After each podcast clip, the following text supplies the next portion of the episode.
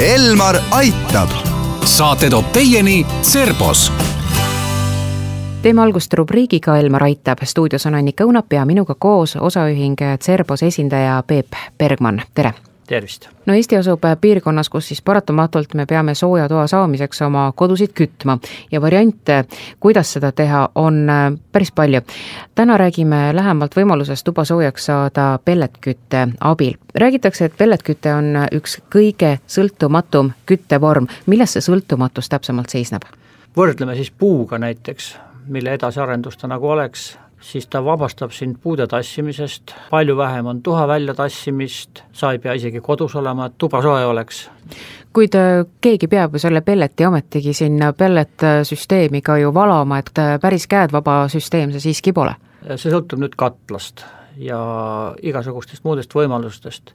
põhimõtteliselt võib sinna koju kusagile kõrvalruumi ehitada ka ma ei tea, kümnetonnise punkri, millest äh, jätkub kaheks talveks. on igasuguseid süsteeme, kuidas seda pelletit seal ladustada ja toimetada sinna katla juurde, et kas vahepunkriga või otse ja on painduvad äh, sellised liikuvad transpordisüsteemid ja on fikseeritud süsteemid. võimalusi on palju, samuti on olemas äh, katlad, mis näiteks vajavad tuha väljaviimist, ütleme noh, maksimaalselt võib-olla neli korda küttehooaja jooksul. milliseid äh, muid äh, mugavusi pelletküttesüsteem ühele majapidamisele veel pakub? millest ta parem on, see on puuküte ja mis mugavus on, on see, et äh, temperatuur on ühtlane ja ütlen, et käsitööd on tunduvalt vähem. millest aga pelletid tehtud on? Äh, ideaaljuhul on ta tehtud äh, saepurust, okaspuu saepurust põhiliselt meie maal, sest seda meil siin lõigatakse kõige rohkem, vähesemal määral ilmselt satub sinna hulka ka lehtpuud, aga noh, kui ta seda, kuna see meil ei kasva väga suureks ja tööstuslikult teda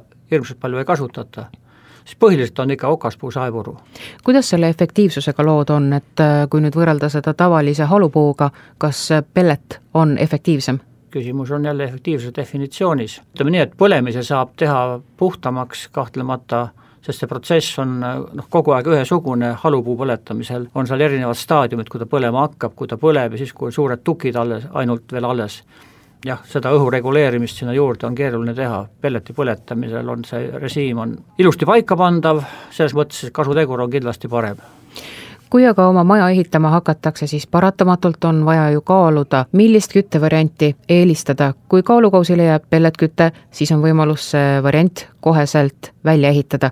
kui aga maja on juba vanem ja näiteks äh, majas on äh, varasemalt otsustatud, et on õliküttekatel või halupuukatel, et kui kerge või kui raske on seda küttesüsteemi pelletküttele ümber reguleerida?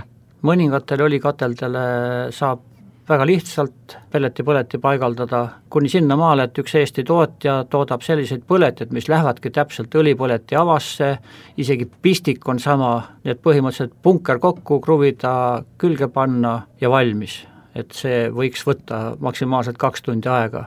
siis puukateldele enamusele saab seda teha tänapäeval dokumenteeritakse ja vajatakse erinevaid dokumente erinevate tööde puhul, mis majas tehakse, siis kas äh, näiteks küttesüsteemi vahetus nõuab projekti muudatust? noh, see on ehitusluba ja ehitusteatis, aga selle, selle kohta leiab guugeldades muidugi massiliselt informatsiooni, kõige targem äh, koht, kus seda küsida, on kohaliku omavalitsuse ehitusnõunik või mis iganes nimega ta on seal. et tahkeküte, kui on keskküte olemas, on tahkeküte, mis on halupuu siis see pellet on täpselt samamoodi tahkeküte. teoreetiliselt ei tohiks seal olla mingeid, mingisuguseid vahesid. ainuke asi, mida peab inimene silmas pidama, on see, et korsten tuleb üle vaadata kriitilise pilguga ja võib-olla seda renoveerida, täiendada, mida iganes. kui äh, pelletsüsteemile üle minnakse, siis valikus on ju väga palju erinevaid katlaid ja põleteid. kuidas leida see sobivaim? no punkt üks on kindlasti rahakott, mis äh, palju ära määrab. Punkt kaks on see, kui suurt Äh, mugavust soovitakse, kas ollakse nõus näiteks äh, kuni paar korda nädalas seda põle, põletit ise puhastama või ei taha seda mitte teha, noh muidugi punkri maht jälle, eks ole, kui tihti tuleb äh, punkrit täita, siis kui tihti te olete nõus seda tuhakasti tühjendama ja noh, valikud sellest tulevadki kus asub pelletkütte hinnaskaalal, kas madalamas otsas või siis seal kõrgemas otsas, kui võrrelda mõne muu küttelahendusega? ta asub, ütleme kusagil alumise otsa lähedal, noh, sõltub muidugi, mis me kaasa haarame, kui me võtame puhta elektri, siis sellest on ta mingi kaks pool korda odavam, õlist ka üle kahe korra odavam, halupuust veidi kallim, maaküttest ütleme viis-kuuskümmend protsenti kallim, selline on see tema paiknemine seal skaalal.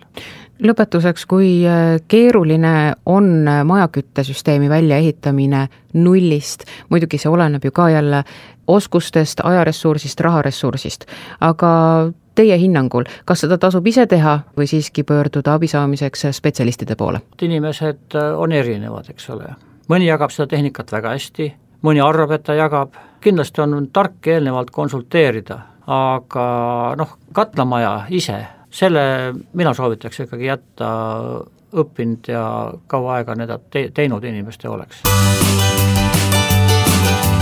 Elmar aitab. saate toob teieni Cerbos